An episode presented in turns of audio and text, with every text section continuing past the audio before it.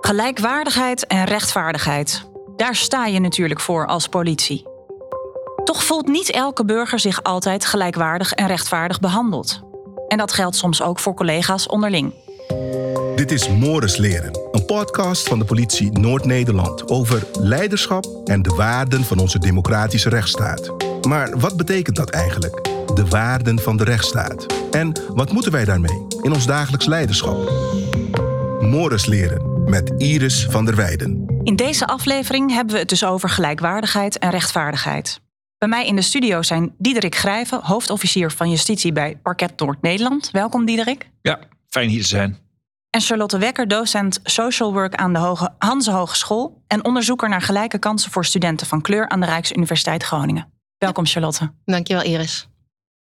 Afgelopen zomer werd ik 40 en kreeg van een vriendin het boek Socrates op sneakers cadeau.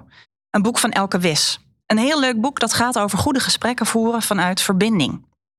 Socrates was een klassiek filosoof en volgens die oude Grieken moest je het zo zien dat rechtvaardigheid hetzelfde is als gelijkwaardigheid. Socrates zei daarom dat rechtvaardigheid gaat over grenzen stellen aan het eigen belang. Hoe zien jullie dat? Diederik? Rechtvaardigheid is voor mij een heel belangrijke waarde. Ja, misschien is wel een deugde. Het is eigenlijk een klassieke deugd. En dat betekent dat het iets zegt over je gedrag. En dat je het ook kunt uh, trainen. En um, dan is het belangrijk dat je, dat je ook leert van waar houdt het op? Hè? Dus waar ben ik in de dingen die ik doe niet meer rechtvaardig? Dus het heeft ook wel degelijk met grenzen te maken. Ja.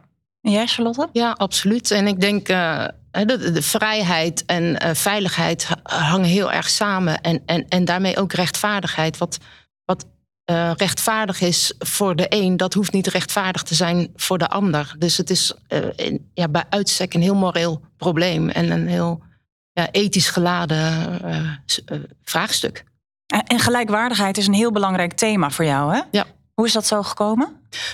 Uh, omdat ik heb gemerkt dat in onze democratische rechtsstaat, waarin we dus uh, spreken over de helft plus één en dan is het een besluit, uh, dat de helft min één mogelijk niet eens is met dat besluit of daar niet achter kan staan.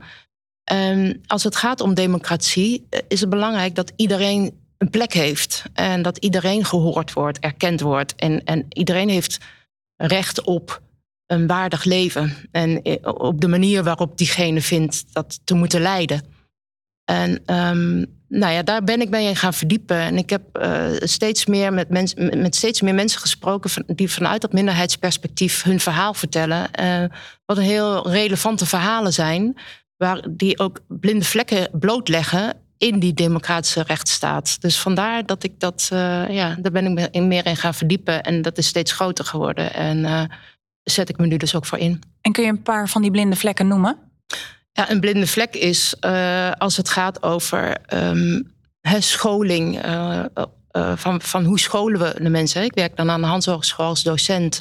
Dus dan gaat het veel over scholen. Nou, bij, bij mij bijvoorbeeld op de Hans Hogeschool is het zo dat ik heb een, um, nou, veel met studenten gesproken die zeggen van wij kunnen bijvoorbeeld nooit vaardigheidstoetsen halen, want en dat gaat dan over sociale studies. Want het is belangrijk dat je uh, mensen oogcontact maakt, dat je vragen stelt over gevoelens, uh, dat je gelijkwaardig bent, dat je de samenwerking aangaat, um, dat je ook kritisch bent, dat je kritische vragen stelt. Nou, in, in een aantal culturen is dat helemaal niet, uh, niet zo gewoon. Dus deze studenten hebben heel veel moeite met de toetsen te halen. En, en als ik zo naar je luister, dan denk ik, dit betekent ook iets voor jou persoonlijk. Ja. wat voor achtergrond heeft dat? Uh, voor mij persoonlijk is het zo. Uh, ja, ik kom uit een familie waarin heel veel uh, strijdvaardigheid is. Dus ik denk dat ik ook daar gewoon mee groot geworden ben. Um, en ik, ja, wij, ik denk dat wij gewoon als familie Wekker met, met elkaar besloten hebben. Wij willen daar een, ons steentje in bijdragen. In, in een samenleving waarin ja, ook dat minderheidsperspectief inderdaad aan de orde kan komen. En waarin de machtsdynamieken in, in principe blootgelegd worden. Hoe, hoe werkt dat dan? Hoe, hoe spreek je dat met elkaar af als familie? Ja, dat, dat is niet van uh, dat, dat we dat contractueel vastleggen of zo. Maar uh, daar gaat het over bij familiefeestjes. Daar gaat het over in de groepsapp. Uh, dit, is, uh, dit is wat we doen. Ja, en natuurlijk niet iedereen van de familie, maar een aantal mensen wel. Ja. Ja, dus wij, wij houden daar lezingen over. Wij doen daar onderzoek naar. En zo ja, beïnvloeden we elkaar ook. Ja. En voelt het dan als een strijd? Uh, niet als een strijd. Uh, dat, dat, dat is voor, voor verschillende familieleden, denk ik, verschillend. Voor mij voelt het absoluut niet als een strijd. Ik ben heel blij uh, met de gesprekken die nu allemaal gaande zijn sinds een paar jaar. en met Black Lives Matter is het eigenlijk ja, onder veel grotere groepen normaal geworden om het te hebben over diversiteit en inclusie.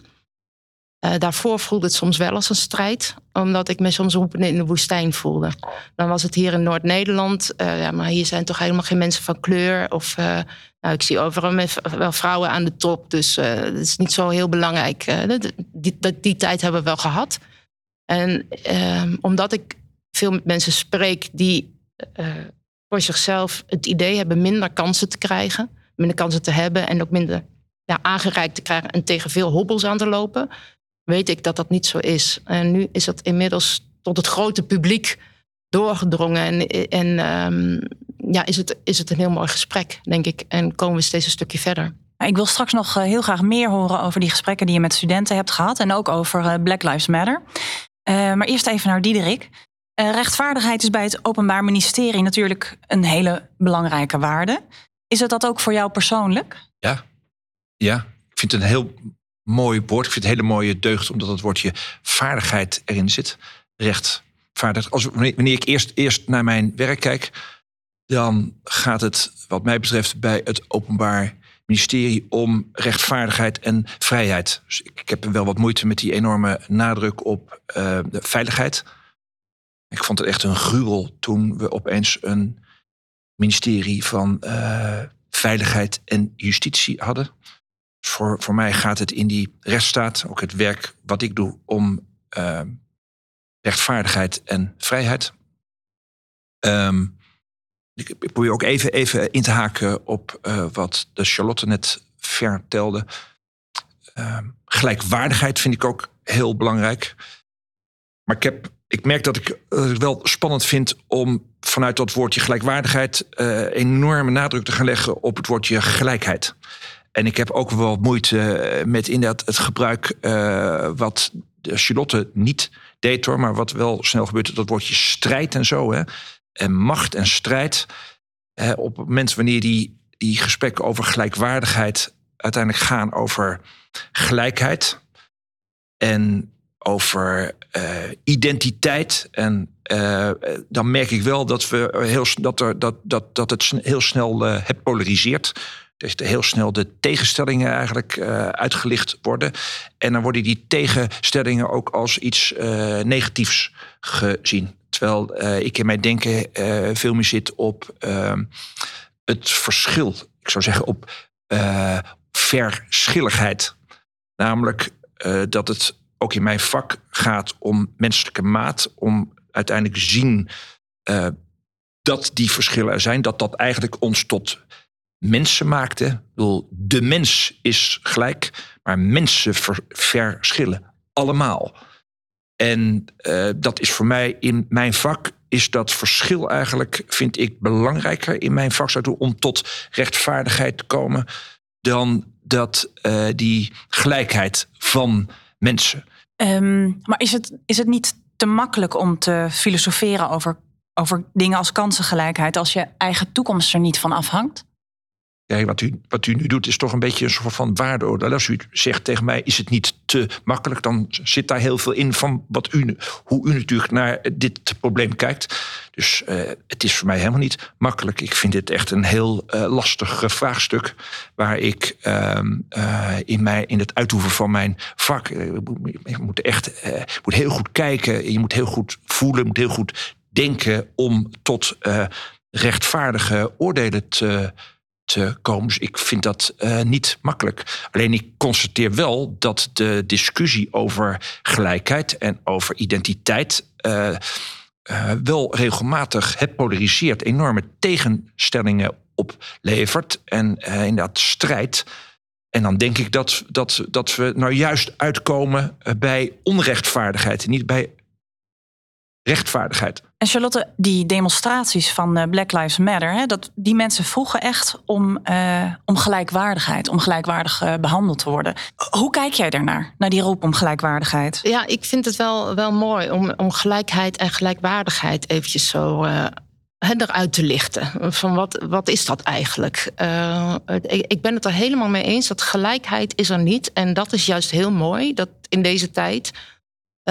dat dat allemaal uh, geagendeerd kan worden en geadresseerd kan worden. En dat het oké is om niet gelijk te zijn. Hè? Dat is anders dan hoe het was. Tegelijkertijd, um, in dat gesprek, en daarom noemde ik net wel even het woordje machtsdynamiek, hè, waar, waar je van zegt van nou liever niet.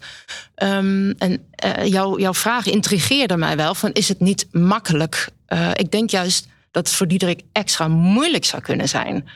Uh, om dit uh, te pakken van, van dit onder, onderwerp. Van waar gaat dit nou eigenlijk over? Um, omdat uh, dat gaat namelijk over. als het gaat over gelijk, dan hebben we heel, heel lang Diederik als de norm gezien. En als man, ja, ik, ik, ik, weet absoluut je seksuele identiteit niet en dat gaat me ook niet aan. Maar van, wat ik zie is een witte man. Um, nou, daarvan hebben we heel lang gezegd, die bepaalt de norm. En uh, op dit moment is, de witte man, voelt zich daar soms nou ja, he, uh, ja, verantwoordelijk voor om, om, om, om, om dat te delen, de macht. Maar ook, uh, ook, ook misschien wel wat spanning van ja, wat gaat er dan met mijn positie gebeuren? dus dit is een hele spannende tijd in die zin. Om, en, daarin inderdaad belangrijk om het gesprek aan te gaan. Van nee, er gaat op zich. van, het is niet zo dat er een bepaalde ruimte is die uh, door meer mensen, met meer mensen gedeeld uh, moet worden. De, de, ruimte is natuurlijk eindeloos. Er zijn eindeloos mogelijkheden als mensen de kans maar krijgen om die mogelijkheden in zichzelf te benutten. En als het dan gaat om gelijkwaardigheid, dan is het van wie krijgt de kans om alles van zichzelf te benutten en wie niet. Dat is nog niet uh, evident dat iedereen diezelfde kans nee. krijgt. Dus om dus ik denk dat we met elkaar een gesprek aan moeten over wat is eigenlijk kwaliteit van leven? Wat is eigenlijk democratie? hoe willen wij met elkaar leven? En dan zouden daar ander soort gesprekken uit kunnen komen op een moment dat je daar hè, dat daadwerkelijk iedereen bij betrekt. In plaats van um, wij, het volk, en dat zijn dan de hoge, ja, witte mannen, die dat uiteindelijk uh, bepalen. En dat is, dat is spannend van deze tijd. En daar zie ik dus die, al die demonstraties van Black Lives Matter en die hele beweging zie ik juist in dat kader. Um, om, om, om, om die perspectieven van andere mensen erbij in te betrekken. En, en hoe kunnen wij, hoe, kunnen, hoe kan iedereen uh, ja, invloed hebben? En als we dan uh, in, op dat punt ingaan op de rol van de politie. Jij spreekt ook uh, veel met mensen van verschillende achtergronden, ook studenten. Weet jij hoe zij aankijken tegen de politie? Um, nou, ik moet eerlijk zeggen, ik heb het met studenten niet over de politie, maar ik weet in het, algemeen. En dat. Uh, ik, ik hoor wel eens toevallig wat. Het is niet dat het een onderwerp is voor mij in de les of zo. Maar wat ik wel heb gemerkt is dat studenten en ook uh, ja, mensen die ik uh, anderszins ken, toch, toch wel zich. in die zin van de politie is voor iedereen, voor sommige mensen meer dan voor anderen. Dus uh, als het gaat over veiligheid, um, dan denk ik dat de politie voor sommige mensen, uh, ja, uh, dat is wat, ik, wat, wat mij verteld wordt. Dat sommige mensen die ervaren daadwerkelijk vrijheid en de politie is mijn vriend en als ik hulp nodig heb, dan zijn ze er voor mij. En andere mensen van kleur, mijn eigen kinderen hebben dat ook wel eens meegemaakt. Um, ja, die voelen dat als. Ik, ik, ik kan niet erop aan dat mijn veiligheid ook gewaar, gewaar, gewaarborgd wordt. Omdat um, ja, daar zit dat de generalisaties en de oordelen in waarvan zij denken dat politie dat heeft. En het is niet per se zo dat, dat iedereen dat heeft meegemaakt. Het is ook een verhaal dat de ronde gaat. En net zoals een verhaal dat de ronde gaat over mensen van kleur, gaat ook een verhaal de ronde over politie, wat je dan soms ook bevestigd ziet. Of soms niet. Dus het is, we hebben met elkaar gewoon te maken met heel veel oordelen en vooroordelen. Wat Maar- vind je ervan eh, om te horen wat Charlotte zegt? Dat, dat eh, haar kinderen zeggen: Ik kan er niet van op aan dat mijn veiligheid gewaarborgd wordt. Hoe vind je dat om te horen? Vervelend. Vind ik naar. Dat is eh, slecht, slecht nieuws wanneer ik dat hoor. Ja, En is het ook een opdracht aan ons als politie? ja wij staan voor eh, rechtvaardigheid, vrijheid en veiligheid. Want je kunt, je kunt alleen maar vrij zijn met een toch een behoorlijke dosis van eh, veiligheid. Kijk, wij, wij, wij staan niet voor totale veiligheid van deze samenleving. We zullen ook met elkaar wel eh, moeten leren leven met soms bepaalde mate van onveiligheid. Ik denk dat de politie of het OM die staan niet aan de lat voor totale 100% eh, veiligheid van iedereen die hier leeft. Dat krijgen we niet voor elkaar. Maar ik vind wel dat we voor iedereen daar eh, oog voor moeten hebben en voor iedereen ook ons best moeten doen om het zo veilig mogelijk te krijgen. Want je hebt veiligheid nodig om vrij te kunnen zijn, om gebruik te kunnen maken van die rechten, om mee te kunnen doen in deze samenleving op een gelijkwaardige manier. Als het gaat over gelijkwaardigheid, dan vraagt dat ook om over je eigen vooroordelen heen te kunnen stappen. Lukt dat jou? Niet altijd. En dan denk ik aan een ehm, zaak, dat is echt al eh, heel lang geleden, waarbij ik een eh, klein jongetje had wat eh, zo ernstig mishandeld was dat hij daar uiteindelijk aan kwam te overlijden aan het letsel. En ik had twee mogelijke daders, zijn moeder of de vriend van de moeder. Ik had trouwens geen technisch onderzoek. Dus ik kon, het, ik, kon, ik kon niet via DNA zeggen we nou het is het een of het ander. Maar het moest wel de een of het ander zijn. Dus een van beiden had dat jongetje zo ernstig mishandeld. En ze zaten allebei vast, waren met dat onderzoek bezig. En toen kwam ik voor de vraag van, ja, vind je nou dat ze allebei ook tot op de zitting vast moeten blijven? Heb ik uiteindelijk heb ik de moeder eh, op vrije voeten gesteld. Die heb ik, laat maar zeggen, geschorst. Want een aantal voorwaarden, maar die ging de cel uit. En ik heb de vriend langer vastgehouden. En ik heb het onderzoek ook wel heel erg uiteindelijk toegespitst op die vriend. Alle eh, rare details, alle, alle eh, rare dingen in de verklaring van die vriend, die heb ik eh, eigenlijk eruit gepakt. Dus ik, ik, heb, ik heb heel goed zitten kijken van, nou ja, waar, klopt, waar kloppen zijn verklaringen niet? Eindelijk is die vriend veroordeeld. En heb ik even gehad dat ik dacht van, nou, ik heb deze lastige zaak goed opgelost. En toen kwam die zaak in het boek van professor Wagenaar, Dubieuze Zaken. Die heeft een, echt een zeer interessant boek geschreven. En tot mijn stomme verbazing stond mijn zaak genoemd in het rijtje Dubieuze Zaken. En in het boek kon ik al wel lezen. Ik vond het wel wat confronterend. Zei, ja, op basis waarvan heeft die officier nou eigenlijk besloten dat die vrouw eh, geschorst kon worden en dat die man langer vast moest blijven? Waar, waar komt dat vandaan? Toen heb ik ook wel bedacht, Stefan, ja, dat heeft waarschijnlijk toch ook wel te maken met hoe ik naar moeders kijk. Of hoe ik misschien naar de rolverdeling tussen mannen en vrouwen kijk.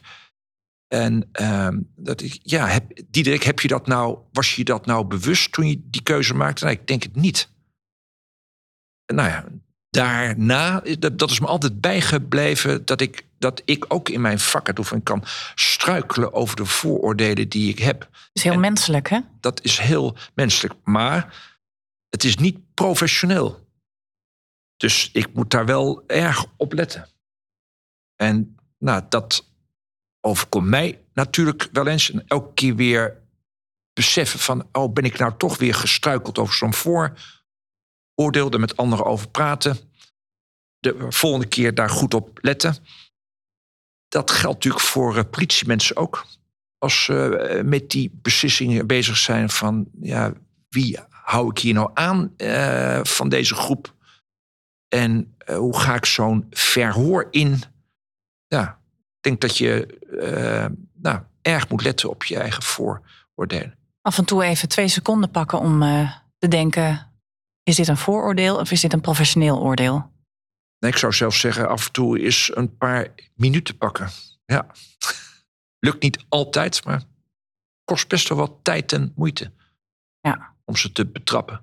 En Charlotte, ben jij zelf als docent wel eens tegen je eigen vooroordelen aangelopen?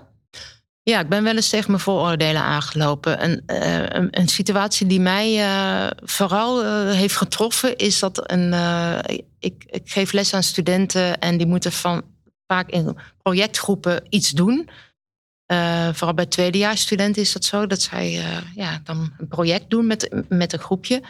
En in een groepje heb je altijd mensen die wat meer praten, mensen die wat minder praten. Um, en nou ja, ik moet ook individuele cijfers geven, maar ik heb niet altijd door wie heeft nou het meest gedaan hierin. En, en dus ze schrijven wel keurig op wie wat heeft gedaan en wie welk onderdeel. Dus dan kan ik wel individuele cijfers geven. Maar ik weet dat niet altijd precies zeker en ze dekken elkaar ook. Dus dat vind ik voor mij als docent wel moeilijk. En wat ik uh, dan. Dus dan, dan moet ik loskomen van mijn vooroordelen. Van nou, die zou wel dit hebben gedaan en die zou wel dat hebben gedaan. En één keer ben ik er ontzettend op gewezen, want dat was op het moment dat er twee uh, dames waren die ontzettend mooi konden praten. Die vertelden alles en die gaven goed antwoorden op de vragen.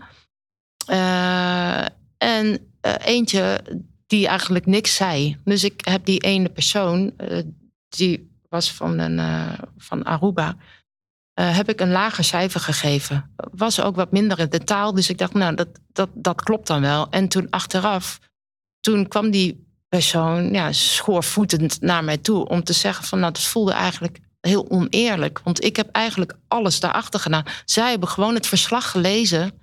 En toen hebben zij het kunnen vertellen. Want ik zei van ik ben taaltechnisch niet zo goed. En spreek, eh, ik spreek ook niet makkelijk als er een docent bij is. Dus zouden jullie dat dan willen doen? Dan maak ik het verslag. Maar dan doen jullie het naar de docent.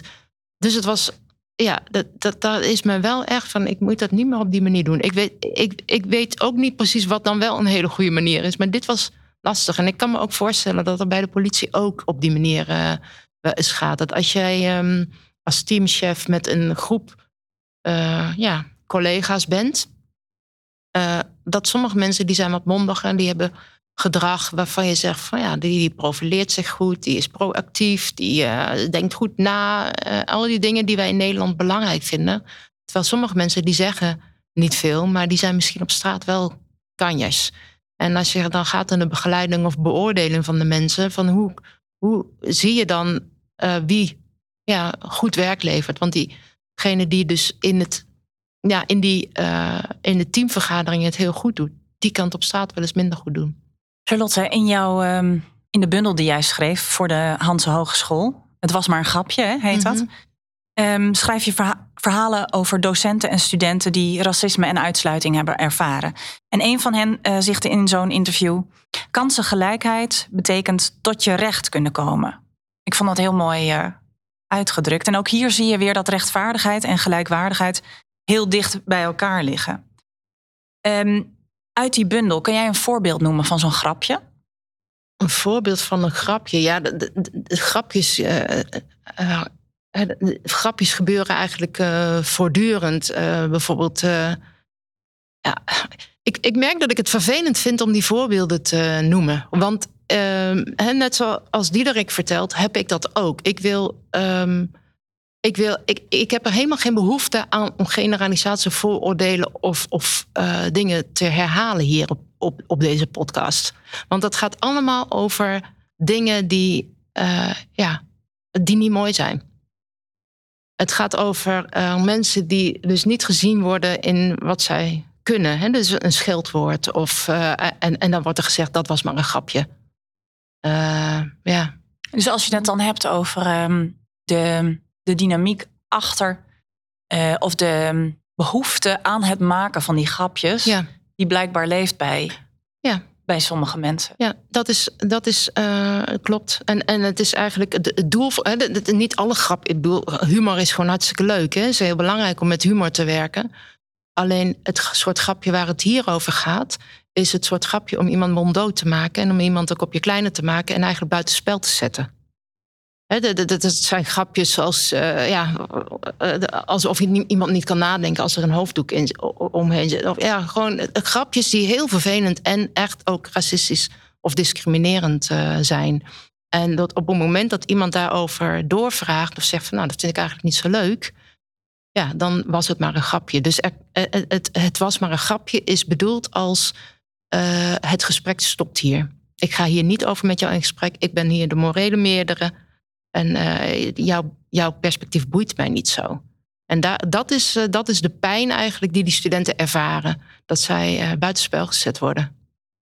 Hier, hier hebben we het, vind ik wel, als je het hebt over rechtvaardigheid. Je hebt allerlei soorten rechtvaardigheid. Ja. om te beginnen kun je zeggen, rechtvaardig is wanneer je aan regels houdt. Ja. In mijn vak is um, vergelding ook iets, dat, dat, dat is het oog om oog, tand om tand. Hè. Dus als iemand iets heel erg naars gedaan heeft, dan past daar een straf voor.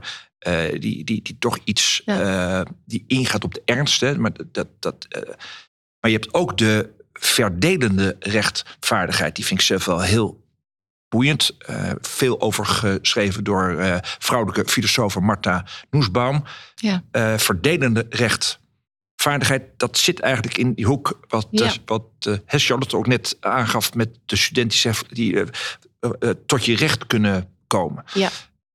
En het is niet alleen dat jij zelf tot je recht moet kunnen komen, maar ik denk dat de overheid ook zijn best moet doen. Dat, het, dat de rechtsstaat ook zijn best moet doen om mensen tot hun recht te laten komen. Ja. En dat daar zit een idee achter van ver, verdelen. Hè, dat, dat iedereen ook die vrijheid uh, heeft en ervaart. Uh, het is ook een beetje een gelijk speelveld te creëren. Zowel in de economie als, als bij andere dingen. Maar uh, ja. of, in de, of bij uh, scholen. Ja. Um, ik vind dat zelf wel een heel belangrijke vorm van rechtvaardigheid. De verdelende rechtvaardigheid. Waarbij je wel verschil moet kunnen maken tussen mensen. Dus het is niet, moet niet allemaal hetzelfde. Nee, dan moet je juist kijken naar de verschillen. Ja, ja. waarbij het inderdaad, want waar het hier dan over gaat, is de politie heeft veel ook, en, en of je iemand kan voorleiden en zo, dat heeft veel met strafrecht ook te maken. Um, maar dingen die hier gebeuren, eigenlijk in die microagressie, dat, dat, uh, ja, dat, dat is strafrechtelijk eigenlijk bijna niet te vervolgen. Dat, is, uh, dat moet wel zo erg uit de klauwen lopen hè, als het gaat over discriminatie en racisme, dat daar echt iets te vervolgen is. En dat is voor de politie zo, maar dat is hetzelfde binnen het onderwijs. Dus als iemand zegt, maar zo had ik het niet bedoeld, dat had je verkeerd begrepen. Hè? Als mensen bijvoorbeeld geen stageplek kunnen vinden of hun tentamens niet kunnen halen en het idee hebben van ik word gewoon anders beoordeeld uh, dan mijn medestudenten. Uh, er zijn gewoon on, ook onder docenten natuurlijk heel veel vooroordelen over groepen studenten. En, en studenten die ja, rapporteren ook over dat, dat hoe hun groep gezien wordt. Dat zij als persoon ook zo gezien worden. En dat het voor hen heel lastig is om uh, hun talent naar voren te brengen. Omdat ze eerst al die vooroordelen heen moeten zien te beuken. Zowel bij hun medestudent als soms bij, ook bij hun docent. En dit is iets, denk ik, dat we met elkaar heel goed moeten bekijken. Van waar uh, zit dat in? En voor mij uh, heeft dat toch wel heel erg te maken met ja, het, het gesprek. Niet alleen, ook, ook zeker een normering en, en straffen, dat, dat moet natuurlijk ook. Maar omdat je daar vaak ook bewijs bij moet leveren, ja, dat, dat gaat dus meestal niet. Dus dat je gaat kijken naar wat, ja, hoe, hoe beleeft iemand dat dan? Ik heb het dan ook liever over beleving van een bepaalde situatie dan over dat iets daadwerkelijk gebeurd is. Want daar kun je eindeloze discussies over voeren. En in die beleving van de situatie, dat je gaat kijken hoe kan je daarin tot elkaar komen. Um, dat je inderdaad die puzzel wat meer rondkrijgt. Dus uh, ja, en um, als het gaat over nou, hoe, hoe kom je daar dan op? Je kunt niet ieder individu, denk ik, uh, spreken. Dat, dat is lastig. Maar wat je wel kunt doen, is je wat meer gaan verdiepen in sleutelfiguren. Dus uh, kijk niet per doelgroep, hè, want het is niet zo dat de Antilliaan of de Marokkaan uh, iemand is. Dat is dat, hè, dan bevorder je juist die, die vooroordelen. Maar wees je wel bewust van wie namens die groep mag spreken en wie namens de, wie heeft genoeg draagvlak om te zeggen, nou, voor ons is dit belangrijk en ga daar als politie mee, mee in gesprek. Dat doen de wijkagenten al heel mooi, maar dat kan misschien nog breder uitgezet worden. En um, ik weet ook niet in hoeverre altijd overal de sociale professionals in de buurt gevonden worden. Want die zitten ook heel diep in die haarvaten van nou ja, alle, bij, de, de burgers. Als het gaat over polarisatie. Dus uh, heel veel werk wordt daar verricht. Um, om ja, het gesprek en de polarisatie minder te maken. Want inderdaad, het is, ja, dat is, we zitten denk ik aan de vooravond. En misschien zijn we er al in dat die polarisatie zich verhardt. en dat het dan niet meer makkelijk is om tot iets nieuws te komen. Wat ik hierbij belangrijk vind, is dat die polarisatie en die spanningen en, en, en, het, en het gedoe, eigenlijk de onrechtvaardigheid die daaruit voortvloeit, gaat natuurlijk nooit helemaal opgelost worden door die onderwijzers, door die sociaal werkers, door de politiemensen, door de officieren. Dat lossen wij natuurlijk niet op. Dat, uh, ik denk dat een deel van de polarisatie komt ook door de ongelijkheid die in de samenleving is toegenomen. En uiteindelijk moet dat natuurlijk politiek ook opgelost worden. Dus uiteindelijk moeten we, moeten we niet alleen via rechtsorde komen tot een vermindering van de polarisatie. Maar moeten ook wel komen tot misschien tot een andere ordening van onze samenleving. En inderdaad, het, uh, hoe we met de vrijheid en met rechten en plichten omgaan. Uh, via, die, via die verdelende rechtvaardigheid ja. moet ook politiek uiteindelijk ge gekomen worden tot het verminderen van de ongelijkheid in de samenleving. Ik geloof zelf heel erg dat die ongelijkheid, dat is echt een voortdurende bron voor uh, polarisatie. En ja. uh, dat lossen wij in de werkelijke praktijk uh, niet allemaal op. Nee, nee, ik denk inderdaad dat het dusdanig complex is. En uh, dat wij te lang. Dat, dat, daar staat Nederland ook uh, bekend om dat wij overgespecialiseerde mensen hebben. Hartstikke mooi, want wij hebben heel veel kennis uh, in huis. Maar we trekken ons ook allemaal terug in onze specialisatie en weten elkaar nauwelijks meer te vinden. En dat is denk ik ook heel belangrijk om inderdaad te kijken van oh, in de politiek. De, de, de, sociale professionals, de politie, ook de burgers. hoe kun je met elkaar een een denktank vormen uh, waar, met, met veel uitstraling en veel draagvlak. Waardoor je dus dingen aan het rollen krijgt. En, en daar, daarmee zou ik zeggen, laten we in Groningen daar een goed voorbeeld uh, voor stellen. Dat is, dat is alvast een heel mooi idee. Ja. En Diederik, ik hoor jou zeggen, de, de politiek moet zich ook anders gaan gedragen. Um, hebben we het dan eh, over um, een ander sociaal contract? Of hebben we het over wetten veranderen, aanpassen? Ja, ik zeg niet dat ze zich anders moeten gedragen. Dit gaat uiteindelijk om politieke besluiten. En uh, hoe ze zich gedragen, dat moeten ze dan even zelf weten. Maar wel de beslissingen nemen op dat de, snijvlak van die spanningen en de problemen die daaronder zitten, die er wel toe leiden dat, er, dat die rechtvaardigheid beter ver, verdeeld wordt. Dat, uh, dat iedereen ook gebruik kan maken van die grondrechten. Uh, nou, dat, dat vind ik belangrijk. En mijn punt is, uh, en dat vind ik ook voor de, de, de politie mensen hartstikke belangrijk, dat als zo'n demonstratie uit de hand loopt, je ziet daar dus soms ook wel uh, de spanning tussen uh, de grondrecht van de een en grondrecht van de ander.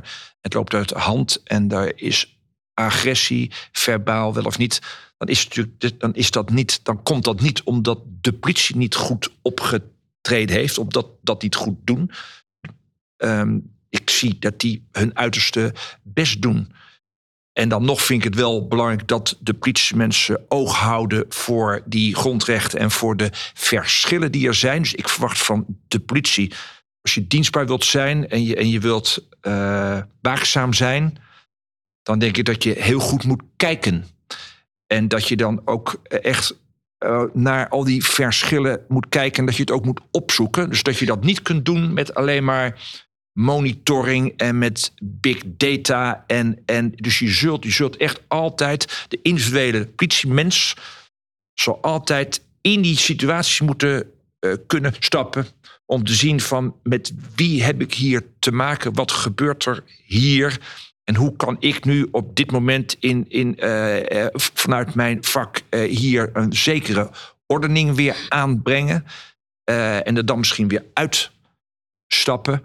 Maar je, je, je kunt het niet laten bij alleen maar data en monitoring en rond rijden en kijken. Je, je, moet er, je moet er echt wel op afstappen. En dat vind ik heel spannend. Want dat is tegenwoordig natuurlijk ook, dat roept ook soms onveiligheid op. En um, Kitty Nooy, een oud collega van jou, uh, oud plaatsvervangend hoofdofficier, die heeft, heeft eerder gezegd: soms is het moreel onjuist om wetten en regels na te leven. En ze noemt dan als voorbeeld ook de toeslagenaffaire. Um, kan het zo zijn dat moraliteit belangrijker is dan wetten en regels? ja, wetten en regels zijn gestolde moraal. Die lopen ook vaak wat achter. En dat is aan de ene kant maar goed ook.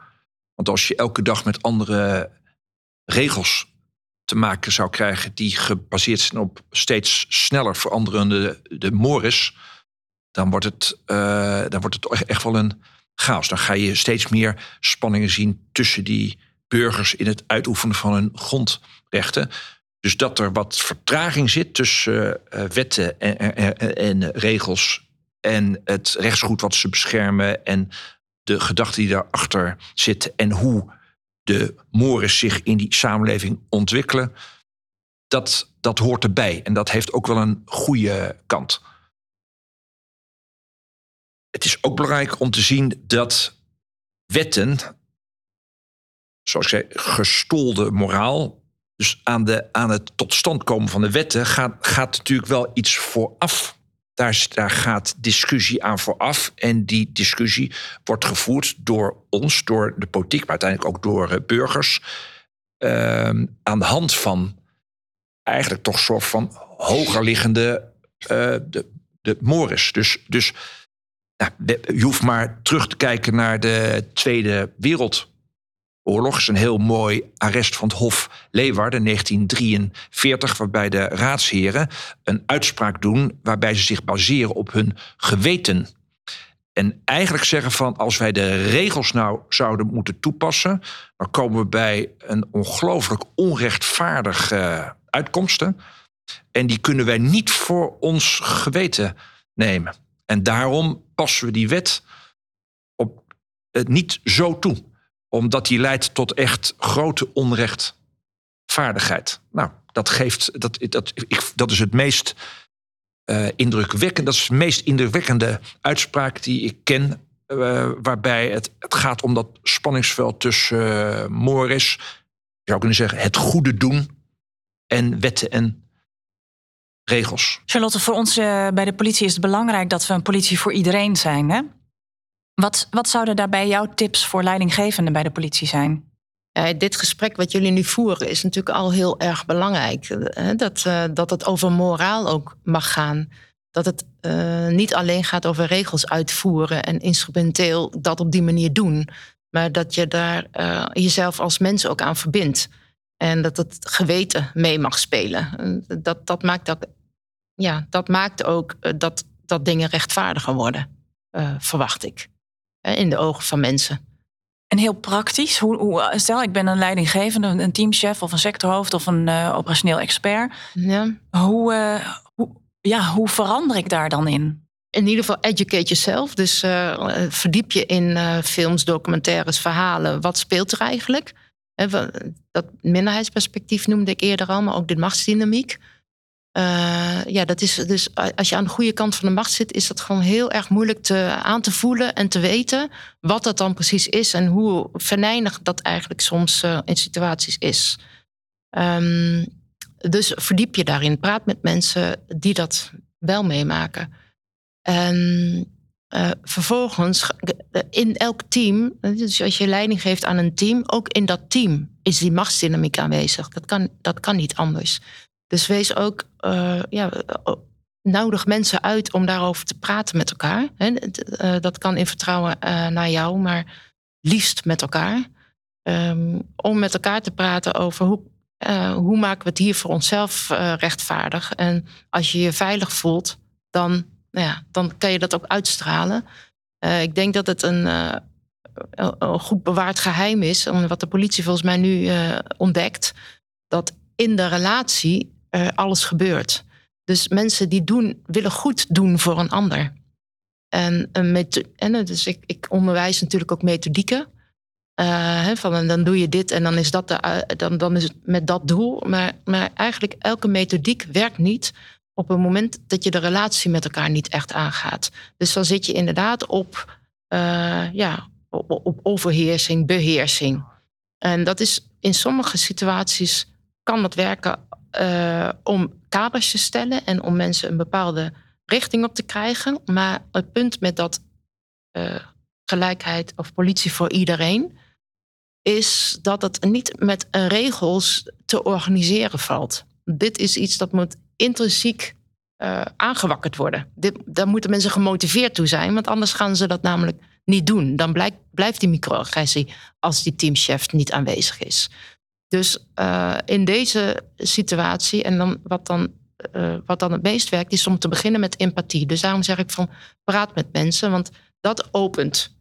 dus als, je, als je begrijpt waar een ander zit, mensen willen goed doen, uh, dan, nou ja, dan opent dat. Nou ja, nee, daar wil ik niet aan bijdragen. En begin ook met, met elkaar vast te stellen, wat is eigenlijk het doel? Waarom willen wij eigenlijk diversiteit en inclusie? dat is, uh, waarom zouden wij daar als politie beter van worden? Waarom zouden wij daarin effectiever zijn in ons werk? En waarom zouden wij daardoor een betere naam krijgen of, of, of ons beter kunnen profileren in de samenleving? Wat, wat is het doel eigenlijk? En dat dat, daar, dat dat een groepsgesprek is. Dus niet alleen een chef die dat tegen de rest zegt, maar echt inderdaad en, en doelgericht en moreel een gesprek. Uh, waar zijn we mee bezig en wat, is, wat willen we wat willen we hiermee, zodat je mensen verbindt. En dan zou ik nog willen adviseren om je niet te richten op de mensen die hier weerstand tegen hebben, of die hier eigenlijk niks mee hebben, of het eigenlijk ook uh, niet willen. Uh, want dat is, uh, dat, ja, dat is eigenlijk energievretend. Het gaat over van hoe wil je een groep zijn, hoe wil je leven met elkaar. Het zijn altijd koplopers. En dat, daar ben jij er een van, daar ben jij er een van, daar ben ik er een van. Um, wij moeten ook niet alleen zijn. We moeten niet roepende zijn in de woestijn. We moeten ook een groep om, ons heen hebben om niet af te branden en geen energie te lekken. Um, maar die groep die wordt steeds groter. En, en verzamel mensen om je heen. Uh, en, en, overal waar, waar uh, mensen ook inspiratie hebben of iets willen doen, uh, ja, bekrachtig dat. Dus dus houd eigenaarschap ook niet alleen bij jouzelf. Uh, maar overal waar initiatieven zijn, zeg van wat een goed initiatief. Wat kan ik doen om jou te helpen, zodat jij verder komt met jouw initiatief? En hoe, hoe kan jij meer mensen daaromheen verzamelen? Zodat overal van die kleine brandhaartjes zijn. En dan wordt die groep steeds groter. En dan ja, op een gegeven moment dan wordt die groep met mensen met de weerstand, uh, die uh, ja, of, of, ofwel dat sentiment wordt groter.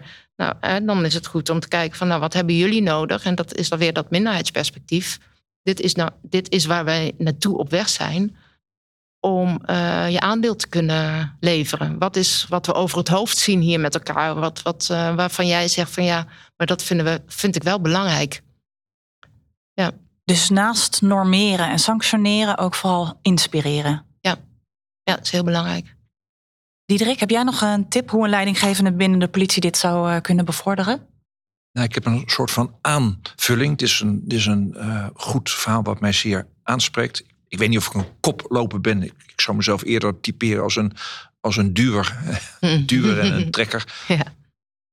Um, leiderschap, als je, als je van je de politiemensen vraagt om de morele ruimte te betreden in het werk wat je doet, dan denk ik ook dat je ze zult moeten kunnen beschermen. En um, we hadden net ook wel voorbeelden dat de politiemensen, uh, wanneer ze eh, het verschil willen maken. De, de echt, echt die situaties ingaan. Het gesprek met mensen aangaan. Ook uh, normeren. Ook, ook, ook soms vinden. iets van goed en fout. Als je, als je ze die in die morele ruimte plaatst, dan moet je ook rekening mee houden dat ze agressie bijvoorbeeld uh, ontmoeten. Dus uh, want het zijn echt hele gepolariseerde tijden.